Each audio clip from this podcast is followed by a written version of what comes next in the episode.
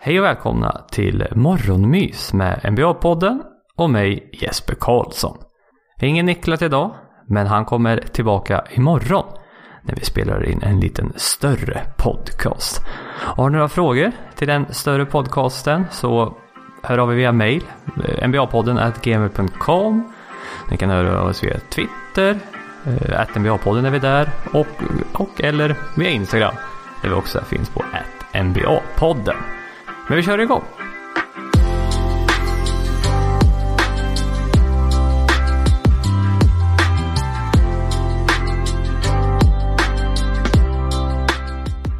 Och jag tänkte bara nämna här innan jag startar så lyssnade jag igenom podden som eh, pratade själv i onsdags. Och eh, två saker stack väl ut för mig. Dels att jag puffade väldigt mycket in i micken och att jag säger ö ännu mer när jag är själv. Det ena jag har löst genom att ha köpt ett puffskydd till micken. Men det andra med öandet, ja, var lite mer tålamod med det. Jag försöker jobba bort det. Vi får se hur det går med det. Jag tänkte börja i alla fall med nyheten om att Clay Thompson har en avsliten hälsena. Det var som jag och Niklas pratade om igår. Det var det man var orolig för. Det snackades väldigt mycket om att det var en allvarlig akillesskada och ja, den allvarligaste av dem alla är ju då en avsliten hälsena. Och hemska nyheter, inte bara för Warriors utan känns som hemska nyheter för hela NBA. Clay Thompson kanske den mest gillade spelaren i hela ligan. Jag vet ingen som ogillar Clay Thompson. Jag skulle jag tycker det är konstigt om någon ogillar honom. För att eh, man kan ogilla Warriors, eh, framförallt tidigare då. När man hade Kevin Durant och allt det här. Och jag var en av dem som Clippers-fan. Ogillade Warriors starkt. Men Clay Thompson gillar man alltid. Och ja, det är tråkigt alltså. Han kom tillbaka förra året från en avsliten korsbandsskada. Eh, borta hela förra säsongen. Och nu borta minst ett år till då med en avsliten hälsena. Och två olika ben dessutom. Nej, det är hemskt. Och nu är han väl han 28. Han var 28 förra året. Han är 29 nu då. Så när han är 30 när han kommer tillbaka sen nästa år. Och jag vet inte. Det här, hur kommer han tillbaka från det här? Historien av avsliten hälsena är inte så bra, tyvärr. Vi får se hur Kevin Durant gör i år.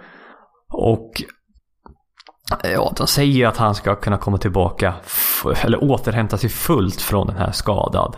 Men jag vet inte. Det snackas mycket om att han kan säkert komma tillbaka om han är lika bra skytt som han har varit tidigare. För det har ändå med känsla att göra.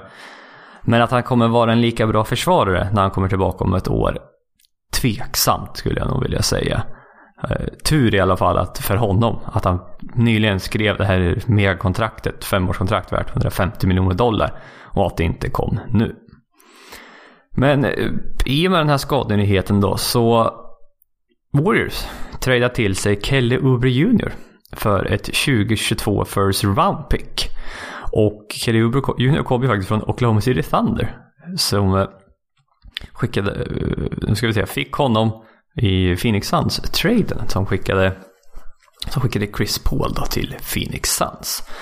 Och Warriors får in eh, Kelly Jr. som eh, i det här eh, trade exception som skapades när de tradade bort eh, Andrew Iguadala. Och ja, ren ersättare för eh, Clay Thompson skulle jag vilja säga. Nu har man en startfemma med Curry, eh, Obre Jr, Wiggins, Draymond Green och James Wiseman är inte lika bra som med Clay Thompson, självklart. Men eh, ja, är de en titelcontender eh, nu när de har tappat Warriors, men, eller tappat Thompson men ändå får in Calibre Junior då.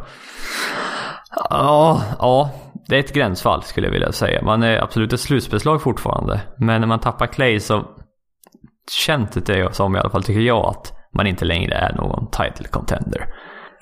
Den här signingen skulle öka Warriors tax eller skatt med hela 82,4 miljoner dollar. Så att eh, Joe Lacob och ja, vad nu den andra ägaren heter, jag kommer inte riktigt ihåg, går lite emot trenden här eh, under pandemin. Det är sjukt att de spenderar så mycket pengar. För jag tror deras totala lyxskatt nu ligger på 134 miljoner dollar. Så att man eh, satsar verkligen och eh, ja, Warriors har väl försökt även vara eh, fått in, eh, in fans i arenan. Man eh, har väl försökt eh, förhandla med både Kalifornien, staten då, och även NBA att man skulle kunna få ha 50% fyllt på läktaren. Man kommer säkert få någon disabled player-grej med Clay Thompson, att han inte kan spela på hela säsongen. Jag tror den låg på 9,8 miljoner. Och jag tror inte den räknar någonting mot lyxskatten, men man kan få in ytterligare en spelare då. Eh, eh trots att man är en bit över lönetaket. Och eh, kolla på OKC då, som Kelly Jr var i. De har nu 18 first round picks mellan eh, 2021 och 2026. Alltså de hårdar, de fortsätter hårda first round picks. Vi får se vad, vad de kan göra med alla dem. De kommer även att få trade exception på 14,4 miljoner med den här traden då. Och man kommer säkert kunna absorbera ytterligare något kontrakt för att, eh, ja, för att få ännu mer first round picks. Eh, vidare då med nyheter så eh, Gordon Hayward, han tackar nej till sitt player option som diskuterade lite om här tidigare i veckan. Att Eh, idag, eller rättare sagt igår, var sista dagen för honom att bestämma sig. Och han declinade. Och han kommer då bli en unrestricted free agent. Och det här är ju sämsta möjliga för Boston. Man, eh, ja, som sagt, de är en bit över lönetaket. Så att antingen hade det bästa varit att behålla honom eller kunna trada honom. Eh, nu tappar man bara honom och kan inte ersätta honom helt enkelt. Visst, det finns fortfarande en möjlighet att göra en sign and trade. Men eh, inte säkert att det kommer ske något sånt. Det beror på om laget som kommer signa, eh, Gordon Hayward, eh, vill göra det, behöver göra det. Ja, vi får se helt enkelt. Men något måste ha skurit sig med Gordon Hayward och Boston. Han, när han kom till Boston då skulle han väl vara första, första valet i laget. Sen kom Kyrie Irving in i bilden. Jason Tatum, Jalen Brown har gått om honom. Kemba Walker.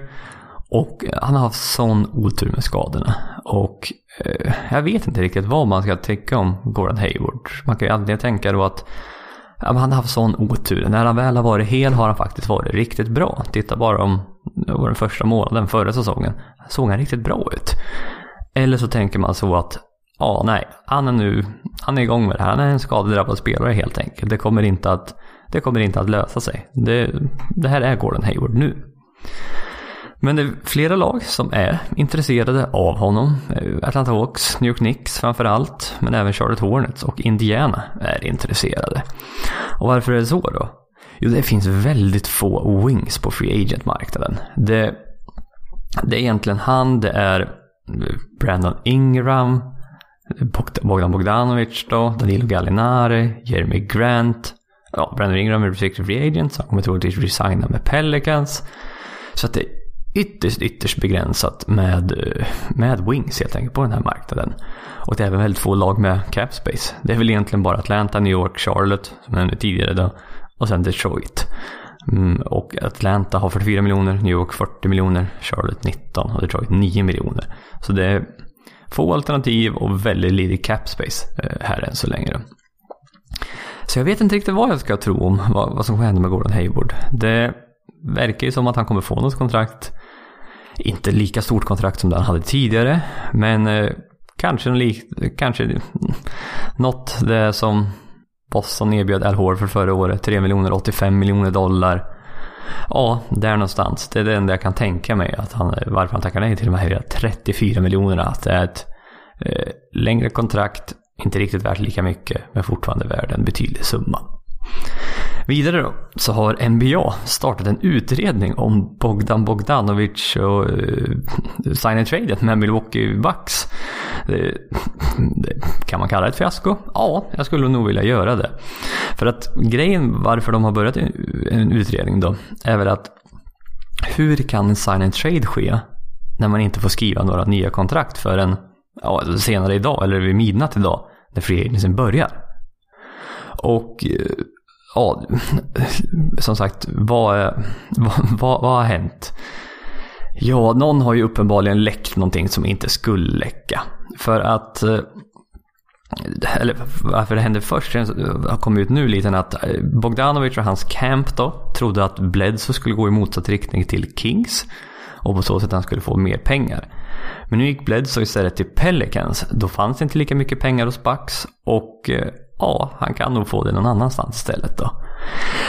Det har kommit mixade rapporter. En del säger fortfarande att Bogdanovic vill till Bucks fortfarande och att någon har läckt det här fast de inte fick göra det till eh, Wojnarowski då. Jag vet inte. Antingen är det så, eller så är det nu helt plötsligt att Bucks inte kunde offra honom lika mycket pengar. Så har något annat lag, under, ja, som sagt inte officiellt, sagt att man kan offra honom mer pengar. Och eh, ja, Bogdanovic vill dit istället då. Han har ju gått ut och sagt, som det går, att han ska bli en restricted free agent. Så att eh, ja, Kings har extendat hans qualifying option, eh, qualifying offer, så de kan matcha vilket eh, kontrakterbjudande som helst. Verkar inte som de vill göra det eftersom de uppenbarligen villigt ville trada honom. Men eh, ja, det här har stökat till väldigt mycket. Istället för att bli tradad så blev eh, Ersan Ilyasova wavad av Milwaukee och han tappar 7 miljoner dollar på det. Så att eh, ja, den som läckte det här hör till Wojnarowski har uppenbarligen gjort bort sig ordentligt. Det är mycket pengar att tappa. Och tydligen har Bogdan Bogdanovic agent en liten historia eh, av det här. Eh, Jason Ran, tror jag han heter. Han, eh, de här tid, egentligen de två tidigare grejerna, just det här med lite skeva övergångar och kontraktskrivanden, har involverat honom. För det är bland annat Marcus Morris som skulle signa med San Antonio Spurs, men sen ångrade sig, signade med Knicks. Och det gjorde att Spurs även tappade Davis Bertan som hade en helt fantastisk säsong förra året. Och sen även då med 76ers och eh, Nemanja Bjelica. De hade en deal. Eh, men helt plötsligt så backade de ur från den och Bjelica signade med Kings istället. Och ja, det verkar ju vara lite märkligt det här helt enkelt. Vi får se vad, hur han, om han kan locka till sig några nya eh, eh klienter i fram, framtiden. Det kanske, ja, han kanske gör det jättebra istället så att de tjänar ännu mer pengar. Jag vet inte. Men eh, ja, lite märkligt är det i alla fall. Nix har rensat bort eh, sex spelare och eh, ja, skapade 40 miljoner cap space som jag nämnde tidigare. De wavade Ty Gibson, Alfred Payton och Wayne Ellington och declinade Bobby Portis team option. Och eh, de signade alla de här spelarna då förra sommaren efter att ha missat, eh, ja, alltså lyckats locka till sig Kevin Durant och Kyrie Irving. Knicks har dessutom tradat till sig Ed Davis och får två second round picks för det av Utah. Och det här eh, gör att Utah sparar 5 miljoner i löner och de, gör, ja, de har ju lite att göra Utah. De försöker resigna Jordan Clarkson och det finns även ex extension options med både Donovan Mitchell och Rudy Gobert. Så att eh, ja, de gjorde sig av det med 5 miljoner dollar. Detroit Pistons har tradeat till sig Dwayne Dedman. Och i motsatt riktning går Atlanta. Eller till Atlanta rättare sagt går Tony Snell och Kyrie Thomas. Jag vet inte riktigt hur man uttalar det namnet. Dwayne Dedman två år kvar på kontraktet. Tony Snell har bara ett år kvar på kontraktet. Och Ja, Atlanta får ytterligare en wing till. Tony Snell var ju inte så eh, framstående kanske i Detroit förra året. Eh, de behöver inte Dwayne Dedman. De har väldigt många bigs redan med Jason Coll med John Collins heter han. Ja, det gör han. John Collins, eh, Clint Capela och sen även, ja vad han nu heter, som de draftade här i, igår. Vad Detroit kommer Dwayne Dedmon till?